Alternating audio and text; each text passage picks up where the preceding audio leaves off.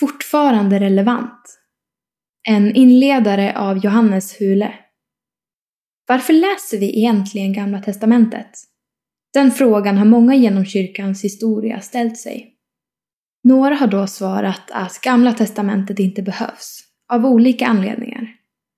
Det som står där är ju gammalt och irrelevant, säger några. Där möter vi en arg och vred Gud, medan Gud i Nya Testamentet är kärleksfull och mild, säger andra. Som kristen kommer du nog genom livet höra flera resonemang om varför vi inte behöver Gamla Testamentet. Men som kristna följer vi Jesus och hans syn på Gamla Testamentet är helt annorlunda. Hur ser då Jesus på Gamla Testamentet? För det första tycker Jesus att Gamla Testamentet är relevant. Jesus återvänder ständigt till Gamla Testamentet och använder Gamla Testamentet i sitt liv, i massor av olika situationer.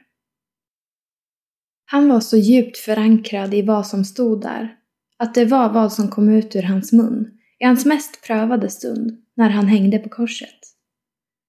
Men kanske viktigast i Jesus syn på skriften är att han menar att han uppfyller den. Gamla testamentet verkar skapa ett tomrum som han fyller upp.